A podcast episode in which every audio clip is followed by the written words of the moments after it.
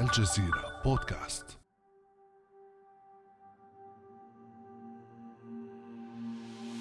هاي راجمات وهاي. والمطار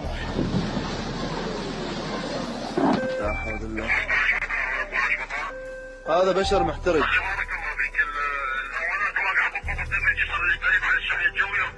كانت هذه الأصوات قبل سنة وأيام من الآن. اغتالت طائرة أمريكية مسيرة قائد فيلق القدس بالحرس الثوري الإيراني الجنرال قاسم سليماني وقائد الحشد الشعبي العراقي أبو مهدي المهندس. ومرت الذكرى الأولى للغارة الأمريكية دون عمليات ثأر حذر كثيرون من أنها قد تكون شرارة مواجهة إيرانية أمريكية.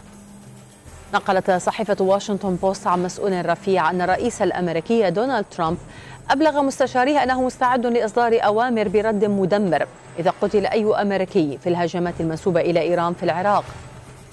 لم يتحقق شرط الرئيس الأمريكي دونالد ترامب ولم يستهدف أمريكيون. لكن الأزمة التي خنقت ترامب في الأسابيع الأخيرة من ولايته تشعبت واشتدت. فهل بقيت في جعبة ترامب طلقة يوجهها إلى إيران؟ وما خيارات إيران في علاقتها بالولايات المتحدة مع ترامب وبعده؟ وهل ينجح العراق في تجنب خسائر مواجهة على أرضه؟ بعد أمس من الجزيرة بودكاست أنا خديجة بن جنة.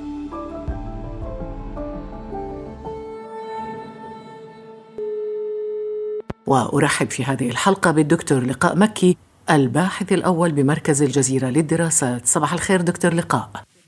صباح الخير يا أهلا ست خديجة.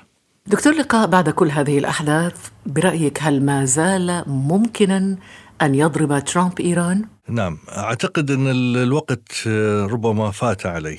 أظن أن مثل هذه الاحتمالات باتت بعيدة الآن لا سيما بعد أحداث الكونغرس وما تبعها من هجوم شديد على ترامب ومحاولات لعزله ما زالت قائمة وقد تسفر عن شيء.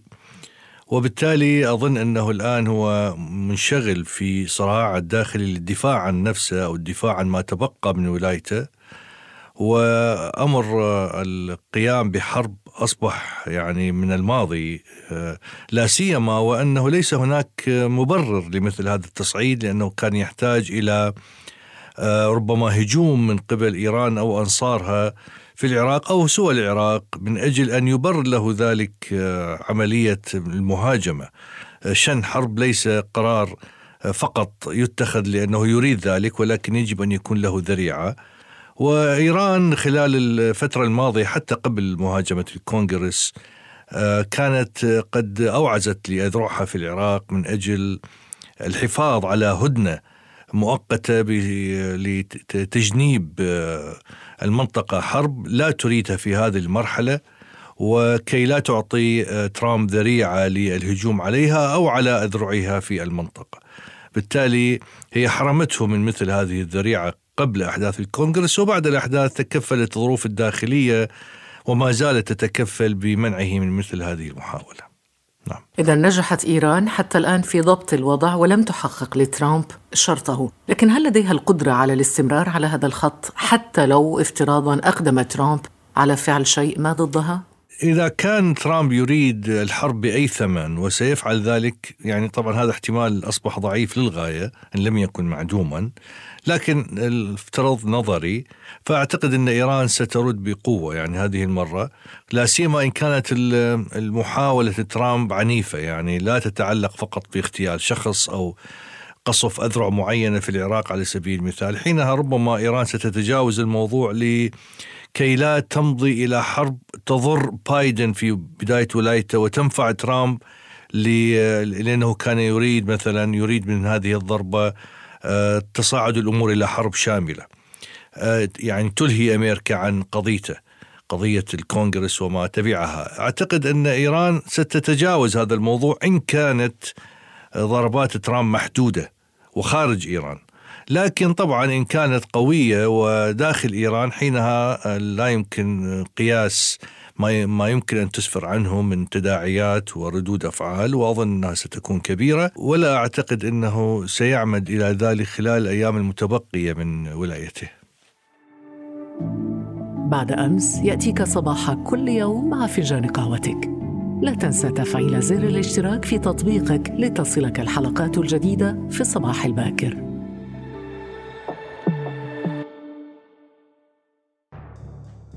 حضور ما به معنای تقویت دوستانمون به تقویت هم وجودنا يعزز الاستقرار بالمنطقة وقد ثبت بأن وجود الجمهورية الإسلامية الإيرانية بالمنطقة يبعث على إزالة عوامل زعزعة الاستقرار. ثبت ذلك في العراق وفي سوريا. لا يبدو المرشد الإيراني السيد علي خامنئي في عجلة من أمره ولا هو بصدد تغيير سياسات بلاده في المنطقة حسب هذه التصريحات. إيران التي استطاعت الإقامة على الحافة طيلة سنوات ترامب الأربع وتمكنت من المواءمة بين خطاب إعلامي تصعيدي ضد الولايات المتحدة وبين ردات فعل متحكم فيها تجاه الاستفزازات الأمريكية تواجه خيارات صعبة فيما تبقى من أيام ترامب وستواجه بعد ترامب رئيسا يلوح بإعادة التفاوض على الاتفاق النووي هو جو بايدن. دكتور لقاء مكي بغض النظر عما سيفعله ترامب في أيامه المتبقية إيران وأمريكا باقيتان بعد ترامب. كيف برأيك ستكون العلاقة بينهما؟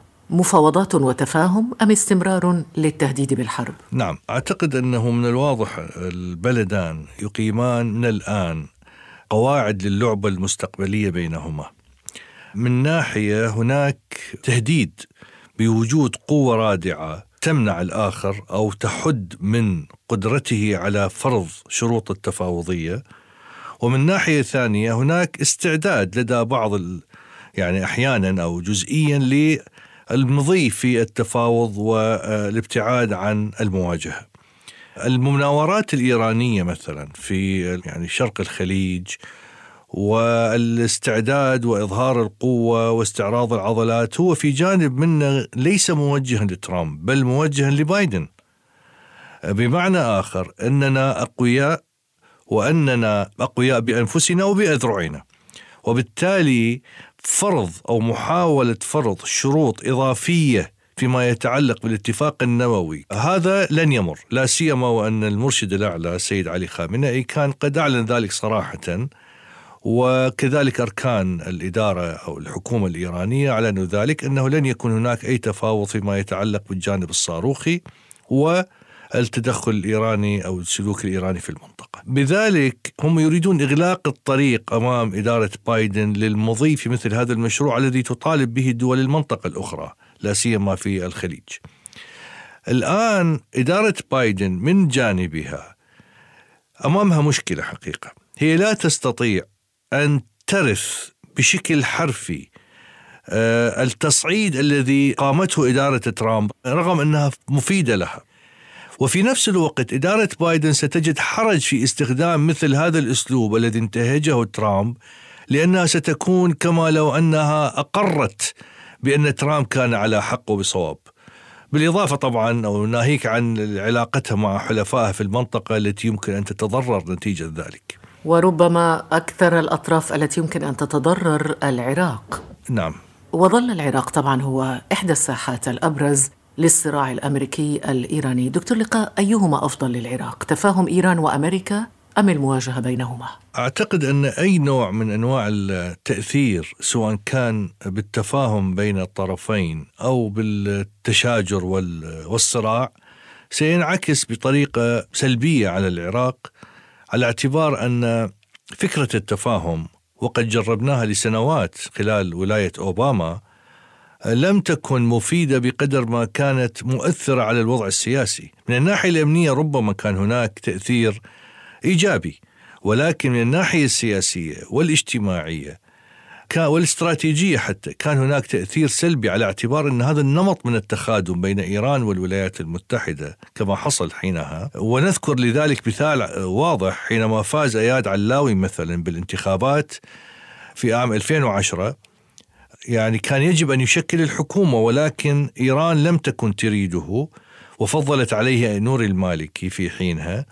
وطبعا تدخل أوباما وأقنع أو أجبر في الحقيقة اياد علاوي على أن يتخلى عن هذا المطلب وأن يمنح المالكي لهذا المنصب مقابل وعود لعلاوي لم ينفذ أي منها. وعود قدمها أوباما شخصيا.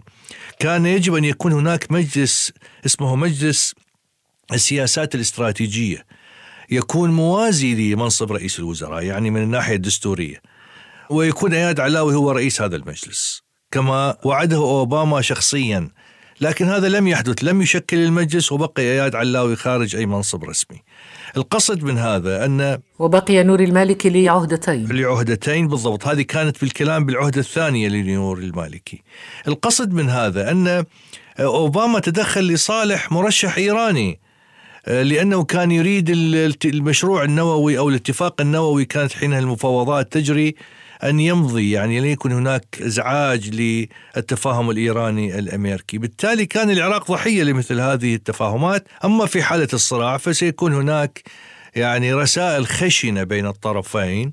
اغتيالات قصف الصواريخ كما يحصل للسفارة الأمريكية. محاولات لتفجيرات ربما حتى مساندة لبعض المجموعات الإرهابية.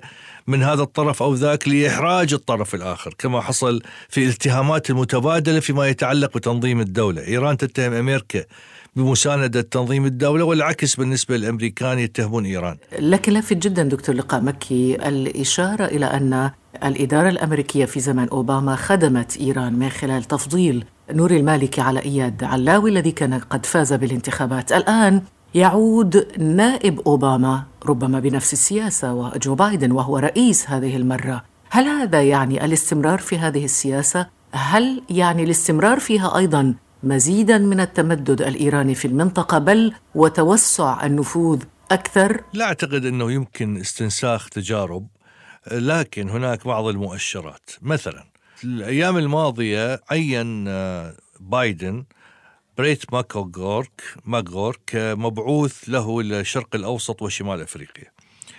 وهذا ماكغورك كان موجودا لسنوات طويلة منذ عهد أوباما بنفس المنصب في المنطقة. ولم يخرج من منصبه إلا في منتصف ولاية ترامب. وهو معروف بتأييده للأكراد على حساب تركيا في شمال غرب أو شمال شرق سوريا. وبتعاون الوثيق والمباشر والقريب جدا مع إيران. وبالتالي إيران واذرعها في العراق وصداقته الشخصية حتى لبعض السياسيين من الأحزاب القريبة من إيران يعني ومنهم نور المالكي مثلا. هذا الشخص ماغورك الذي اتهم بفضيحة جنسية حسب الصحافة الأمريكية في بغداد حينما يعود بالتأكيد يمكن تلمس النمط السياسي الذي قد ينتهجه لأنه لديه تجربة طويلة وكان لديه رفض في العراق حقيقة.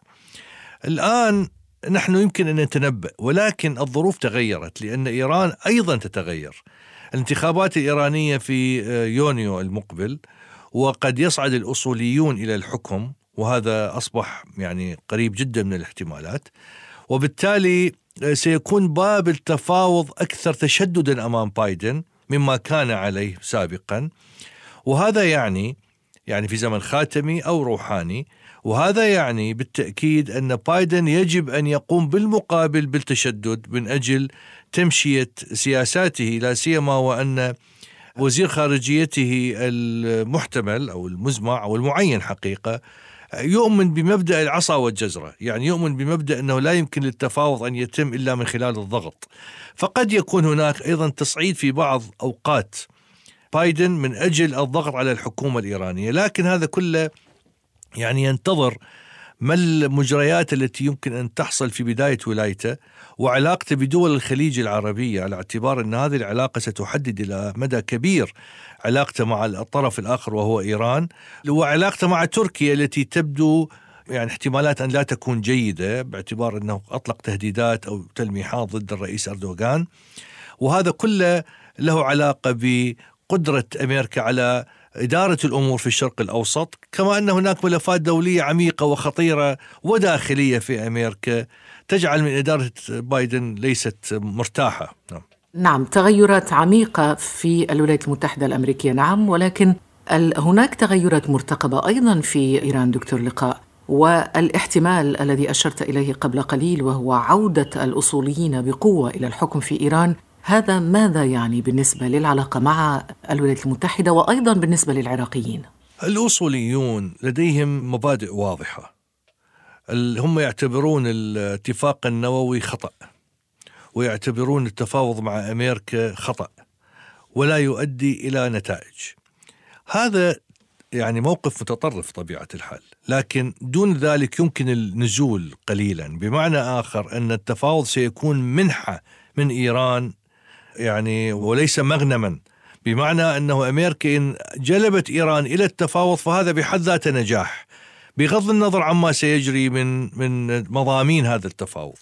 حينها إيران ستحصل على يعني إن إن مشت يعني بهذه الطريقة إن مضت بهذه الطريقة ستحصل على يعني ثمرة باعتبار أن أمريكا لن تستطيع أن تفرض عليها إيرادات جديدة. يكفي عودتها للاتفاق النووي. ولدينا قبل أيام تصريح رئيس البرلمان الإيراني قليباف الذي قال إنه لا يهم إيران عودة أمريكا للاتفاق النووي. ما يهم هو رفع العقوبات وكذلك قبل السيد علي خامنئي قال الأمر ذاته. بمعنى آخر أنه لا تعودون أو لا تعودون لا يهمنا ذلك. شيلوا ارفعوا العقوبات وبعدين ارجعوا براحتكم. هذا الأمر في الواقع إيران تتكلم بشكل مرتاح. هي رفعت التخصيب إلى 20% أصبحت تهدد بشكل مباشر بإنتاج القنبلة الآن بشكل واضح وعلني. حينها الآن أعتقد الضغوط زادت على إدارة بايدن المقبلة. أما أن تمضي بالاتفاق بالشروط الإيرانية أو على الأقل بدون شروط قوية من قبل أمريكا أو أنها تقبل بأن إيران تستمر بهذا المنحى الخطير في التخصيب أو الاحتمال الثالث أن تقصف أن تضرب المنشآت النووية الإيرانية حتى تخلص من القنبلة المحتملة. لذلك أعتقد أن إيران الآن أوراقها ليست ضعيفة حتى مع وجود حصار اقتصادي شديد لكن ليست ضعيفة. وبايدن ربما سيواجه منذ أول يوم له في البيت الأبيض مشكلات حقيقية فيما يتعلق بقصة إيران لكن دكتور لقاء بالنسبة للعراقيين كيف يمكنهم أن يتجنبوا هذه الارتدادات السلبية للصراع؟ أعتقد أن وضع العراق ليس هينا وربما يكون معقد للغاية على اعتبار أن جزء مهم من الأطراف السياسية في العراق آه، مرتبطة بأجندات خارجيه والحقيقة أن الأجندات الخارجية مهيمنة على مجمل السلوك السياسي العراقي ناهيك عن السلوك العسكري أو الأمني. الميليشيات اليوم في العراق الممثلة بالحشود الولائية في الحشد الشعبي العراقي والميليشيات ما يسمى بالولائية وهي القريبة من إيران أو المتحالفة مع إيران هذه تمثل مركز قوة جوهري في المعادلة الأمنية في العراق والسياسية حتى وقوة ضاغطة شديدة بمعنى أنه لا يمكن الفكاك والتخلص من تأثيرها على مجمل السياسات العراقية بسهولة. وهذه تعلن بشكل مباشر ولاءها المرجعية السيد علي خامنئي وليس مرجعية السيستاني مثلا بل إنه بالعكس الميليشيات القريبة من السيستاني انشقت عن الحشد الشعبي وأسست لنفسها حشدا مستقلا. الآن نحن نتحدث عن مراكز قوى تدير الشأن في العراق وهناك انتخابات مقبلة في يونيو المقبل في العراق انتخابات مبكرة. إن جرت في مثل هذه البيئة الحالية والشروط فبالتأكيد ستكون فاشلة على اعتبار أنها ستجري في ظل ضغوط سياسية ضغوط أمنية وعسكرية من قبل ميليشيات مهيمنة. إن جرت بشكل جيد ولم يكن هناك فيها تزوير أو تزييف ربما ستنتج نمط سياسي أفضل، لا أقول مختلف بشكل جذري ولكن أفضل وربما جيل مختلف من السياسيين. هناك أيضا اضطرابات في الشارع. ما زالت ارتدادات احتجاجات أكتوبر 2019 مستمرة. ما زالت مدينة مثل الناصرية في جنوب العراق تغلي وفيها عنف شديد بين المتظاهرين والقوات الأمنية. وهناك ارتدادات كبيرة لها والناصرية من المدن الجنوبية المهمة سواء للكيانات الشيعية في الوضع السياسي الحالي أو للميليشيات نفسها. ومثل هذه التصعيد ربما سيعني أن الساحة الجنوبية الشيعية التي هي البيئة الحاضنة للقوى السياسية الشيعية والميليشيات ستكون غير مؤهلة أو غير قابلة لأن تعيد إنتاج نفس الطبقة السياسية إن جرت الانتخابات في موعدها. وبالتالي أعتقد أننا أمام نمط جديد من العمل السياسي. الوضع السني طبعا أيضا مرتبك وفيه كثير من الخلل. الوضع الكردي منقسم ما بين سليمانية وأربيل و عموما هناك اضطراب سياسي شديد يجعل من التدخل الخارجي فيه على الأقل المدى المنظور مستمر سواء كان أمريكي أم إيراني أم من أطراف أخرى حقيقة تسعى لذلك، لكن النفوذ الأكبر ما زال لإيران وما زال للولايات المتحدة والخروج منه عصيب. وأي رئيس وزراء مهما كان مستقل الآن أو في المستقبل لن يستطيع تجاوز هذين الطرفين بسهولة حتى لو أراد لأنه واقع الحال يفرض عليه التعامل معهما كما يفعل مصطفى الكاظمي الآن حينما يستنجد بإيران لتخليصه من الميليشيات على اعتبار أن لديهم كلمة عليه كي لا يطلقوا صواريخ على السفارة الأمريكية. هذا الأمر في الواقع بغض النظر عن نيات الكاظمي وإراداته السياسية لكنه لا يستطيع يعني كان واقعي في مثل هذه الخطوة على اعتبار أن إيران لديها نفوذ بني خلال 17 سنة بإشراف أمريكي يعني أمريكا كانت تعرف ولكنها لم تفعل شيئا لإيقافه بل كانت موافقة عليه. وأمريكا طبعا أيضا لديها نفوذها على العراق ولكن هو أقل من النفوذ الإيراني بالتأكيد. نعم. دكتور لقاء مكي شكرا جزيلا لك. شكرا أستاذة خديجة. كان هذا بعد أمس.